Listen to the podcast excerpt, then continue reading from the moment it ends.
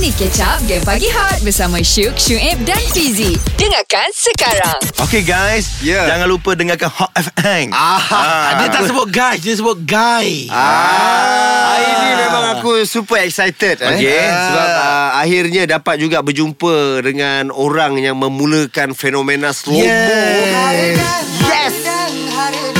Panas, panas, panas. Aduh Akhirnya budak Padang datang join kita Ya Juan Sebab, Eh ah, Dia, dia akan Juan kita pada hari ni Betul betul betul. Uh, sebab aku rasa dia ni uh, Special lah. Special dia unik sebab dia berjaya membuatkan Hmm, sesuatu betul. benda baru Eh, come on yang lah. menjadi ikutan. Datuk Sri Siti Nurhaliza Buat slow Ultimate. mo manual Ultimate Buat slow mo Jofrizo. manual Jofrizo Jofrizo Ah. Dia bukan apa uh, Kalau kita tengok asalnya Yang gila slow mo ni Adalah Choki Mula-mula. Kalau dalam TikTok Sampai Orang Indonesia pun semua follow ah. Lepas tu tiba-tiba Datang dekat ni Si budak Pak Nam Mungkin dia nak slow mo Ah, ah. Tapi dia tak tahu nak buat Macam mana Eh, buat Ya. manual Manual Manual guys Manual. Hot FM, Music paling hangat. Paling hangat. Kita bersama dengan Dak 46 Haredang, haredang. Amar buat slow mo Dalam konti Yeah. Dia Yes. jadi macam secara automatik eh bila bila Amar dengar lagu ni dia terus oh, slow mo auto eh. Ya. Ya Slow mo manual Slow mo manual Salah pula aku. Okey Ma. tadi berbalik pada soalan abang tadi eh. Okay Ya. Kenapa Amar memilih perkataan budak 46 itu jadi macam stage punya nama lah? Adakah Okay. hang minat uh, Valentino Rossi? Aha. Okey. Ter- Tercetusnya budak 46 ni sebab Mhm. saya minat nombor 46. Oh minat Oh, Pak minat nombor 46. Ah, Minat saya tu? kira minat nombor ya, bukan minat Rosi ya. Oh.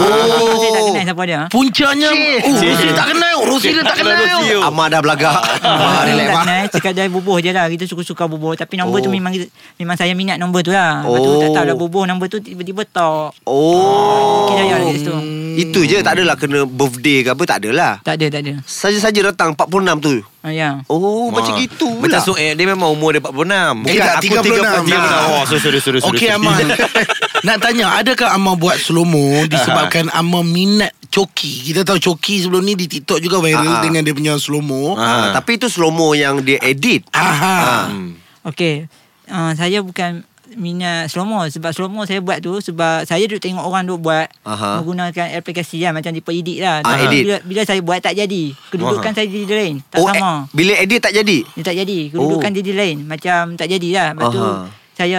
Saya saja buat yang manual punya Aha. tiba-tiba dekat dalam social media orang tu bandingkan saya dengan Coki dia kata weh budak Pak Nam lagi bagus budak Pak Nam lagi bagus start dari situ yang saya rajin duk buat manual Fuki. Ya. Dan, ramai tak yang join Alma, uh, Amar jadi Amar punya peminat-peminat Ah, fanatik Army Army Uh, Al- Almi ada kot Ada Ah, lah. Ada Eh ajak lah Macam mana dia pun nak join Ah. ha. Kau saja nak dengar Amar cakap Joanne lah. Eh, Amar cakap lah Cakap promo lah sekali Ah, sekali, Amar. Join Amar jadi fan Ha. tak, Saya tak buat lagi untuk fan punya lah tu tak Untuk fan dah tutup. Dia tutup dah Dah penuh lah Dah penuh. Baru nak jadi admin Aduh Okey, bila yang Amar sedap tiba-tiba Amar jadi viral? Ha. Okey, yang sedap jadi viral tu start 2020 lah. Aha. Uh, start dari situ saya tengok makin ramai orang duk follow, Okey. duk like. Uh, Ah, ah. start dari situ yang saya dia rasa macam seronok lah rajin duk buat video lagi. Uh. Okey, maksudnya uh, maksudnya apa video pertama yang Amar cakap oh ini dah viral dah. Apa video pertama Sekali yang lagi Kita bagi dia pikir lo Awesome ke pagi korang kalau tak layan Game Pagi Hot? Takkan. So, dengarlah Syuk, Syuib dan Fizi. Pagi ni guys Yep. Kita bersama dengan uh, Trendsetter Ya. Ah, dia yang memperkenalkan slow mo manual Yeah. dekat dunia ni guys. dekat dunia tau. Dunia tau. Ah. Aha. Pagi ni kita bersama dengan Dak Pak Nam. Cik. Ada boleh tengok gaya-gaya beliau dekat IG kami ya. Ah. Hot FM 976. Ya.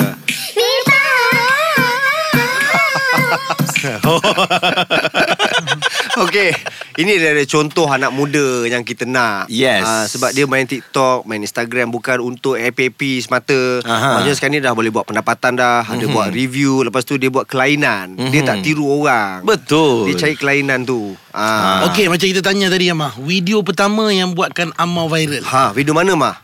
Uh, video yang saya tengok mungkin yang Haradan kot. Haredang eh. Haredang. Ah, ah. ya. Oh, tapi video tu memang slow mo lah. Ya. Ush. Oh, lagu ni.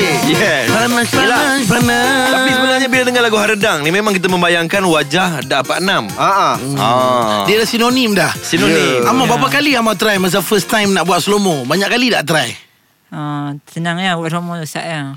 Oh, sekejap lah. Sekejap je lah. Ah, okey ni tak apa. Pasal kalau tengok dekat Instagram sekarang ada 200 uh, lap- 15 uh, ribu followers. Apa? Lepas tu setiap Wah, gambar mampiri aku, mampiri aku.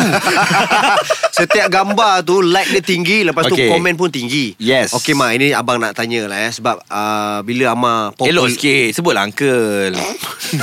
Okey uncle tanya Aku tak ada tu sangat Okey uncle, uncle tanya ni Ha, ha. Ma bila Amar jadi popular macam ni kan Jadi influencer lah mm-hmm. Dan nak pergi artis lah ni Eh, artis ni. Ah, so kawan-kawan macam mana Ma? Ha, kawan-kawan yang sebelum ni mungkin kenal Amar biasa je. Apa orang punya reaksi? Ya si macam bangga lah dengan nama. Oh. Dia bangga dah Jipa bangga lah ada kawan famous kan. Kami pun bangga Amar ya. Ah, Jipa Apa tu? lah sebab nak jumpa artis susah kan. Ah, Tapi jumpa Amar senang Ah, Amar lucu Ma, lepas tu awet-awet mah. Awet ama awet-awet yang dekat Bukit Minyak apa semua? Ha. Ha. Awet-awet tak ada. Ayolah, takkanlah Eh. Amar tak takkan tak layan. ada. Ini kalau tengok komen macam ini, komen beribu tau. Takkanlah tak ada DM. Ada kami terbaca ada. perempuan yang kata Oh bestnya kalau dapat jadi awet Amar Ha. ha. I- Itu semua memberi harapan palsu.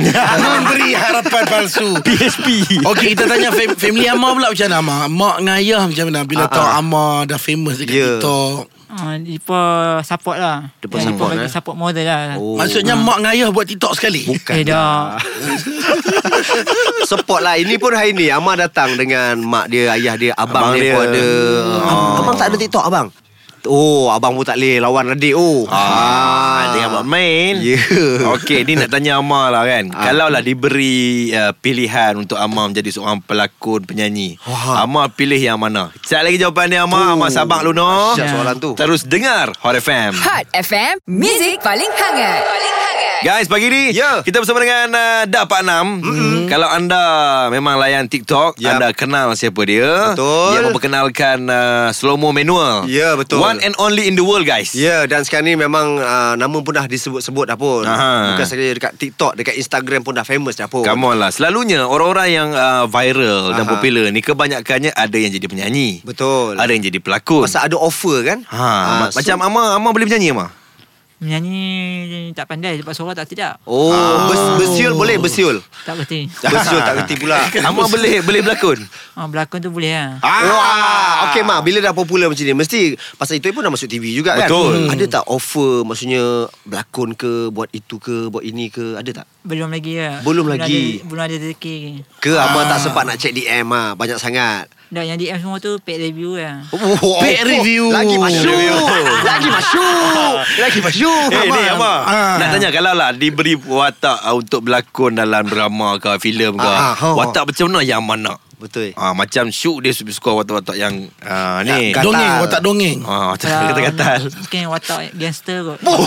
Gangster Amar teringin jadi gangster Kalau Amar jadi gangster, saya boleh jadi penjahat mah macam ni mah. Amar Okey Amar sa- Sajalah Sajalah eh Nak tengok Katakanlah kalau Amar Ah. jadi gangster Macam mana Ah. Amar buat Ah, macam- Katakanlah nak kutip utang kat uh, Abang Syuk dengan Abang Syuk Ha, cepat Ah. mah. Ah, Cuba tengok Macam mana? Macam mana? Mah. Ah, hello bro. Hello, Hutang bro. bila mau bayar? Okey. Okey sekali lagi banyak yang tegas lagi, tegas lagi mah. Garang, garang, garang, garang. Kang Amar Ah, hello bro. Hutang bila mau bayar? Sama mah tadi, sama. Sama sama. Sama. Sama mah. Okey macam ni. Bagi tegas sit- Jangan Situasi dia awak telah pun uh, apa nama ditipu oleh Su M dengan Shu. Ah, jadi marah ni mah. Marah. Marah mah, marah mah. 8 juta ringgit 8 juta banyak oi. Wah. Ha. Marah mah. Marah marah marah marah Marah. Macam mana? Ah. Oi. Kenapa tipu aku? Oh, sama mah macam tadi. Aduh sama lagi mah. Amar jadi budak baik lah Amar This uh, gangster yang ada sopan santun. Ah, gangster 46. Yeah.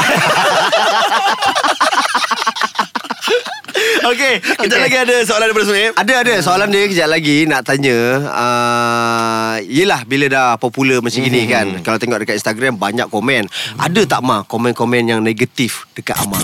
Awesome. Ke pagi kurang kalau tak layan game pagi hot? Takkan. So, dengarlah Syuk Syuib dan Fizik. Pagi ni guys Kita bersama-sama dengan uh, Amma Ataupun official Budak Pak Pak Nam uh, Yang datang ke studio Bersama kita pada pagi ni Ya. Ramai peminat-peminat dia Tengok di IG kami Betul. uh, Sebab hari ni kami semua pakai Tengkolok guys Ya. Baju warna merah dan biru guys Baju Melayu. Yes Ah, ah, okey, Ah, Merah membara semangat wajah Putih bersih budi pekerti Ya, lagu. Kuning berdaulat payung negara Mm-mm. Biru perpaduan kami semua Ah. Hebat Fizi Okey Amma Inilah Ya. abang, apa ni abang nak tanya kan Sebab tengok dekat Uncle Uncle. Hmm, Okey uncle nak tanya Sebab Ya. kalau tengok dekat Instagram Komen banyak tau Beribu Adanya pergi puluh ribu pun komen Okey. Tapi abang tengok Ada juga komen-komen negatif Yang macam cakap Apa dia ni Itu ini Itu ini Memang Negatif lah Sangat negatif Ya. ah, Macam mana Amma me- Hadap. Hadap Okey, bagi saya benda tu normal. Normal? Normal ke normal? Normal, normal. B- benda tu benda tu normal. Bila Maksudnya kita dah naik banyak. ni, orang akan nak dengki kat kita. Betul. Orang akan macam jealous lah tengok kita ni. Tapi bagi saya Mhm. Saya lebih suka haters Sebab apa? Kalau haters ni tak ada Siapa lah saya? Oh betul. Dia pun haters, benci-benci Padahal ah. dia baru tengok. Ha, Sebab Ah. mereka banyak support saya. Betul lah. Tapi Ma Maksudnya komen tu Amma balas ke Atau Amma buat, buat, buat tak tahu je uh, Kalau siapa yang komen Kebanyakan tak balas lah Puh. Kebanyakannya lah. Pen- Pernah, pernah tak Amar macam Tak rasa hati kecil hati ke? Ah, Komen-komen. Ah, tu Dengan tak, tak komen-komen pernah lah. Kadang-kadang ada sikit lah Tapi tak ada lah sampai Lama sat dalam tu. Lepas tu Tak apa dan tak fikir lah Ah, dia dah Bagus, bers- ya? Maksudnya dia memang dah bersedia Untuk masuk ke alam artis. Yes. Okey Mak nak tanya Mak 24 tahun Lepas tu dah famous dekat TikTok. Sebelum ni Amar sebenarnya siapa? Ah, ah. Duk Ah. buat apa Amar?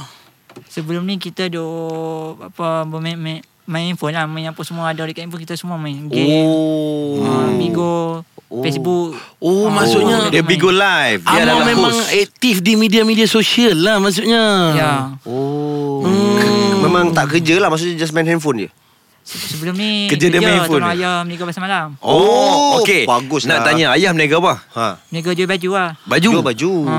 Baju apa? Baju t-shirt Seluar gym apa semua Ah. Kain tuala Oh Meninggal dekat mana? Pasal malam dekat rumah ya Semalam Bukit Minyak ah. Ha Tak boleh bagi tahu detail lah Ah, tak boleh bagi tahu takut dia main serbu pula. tak apalah dia main serbu. Apa lah Nak beli. Ah. Promote lah uh. Amau nampak macam tak mau bagi orang lain ni ke depan ya. Ayah pun nak famous?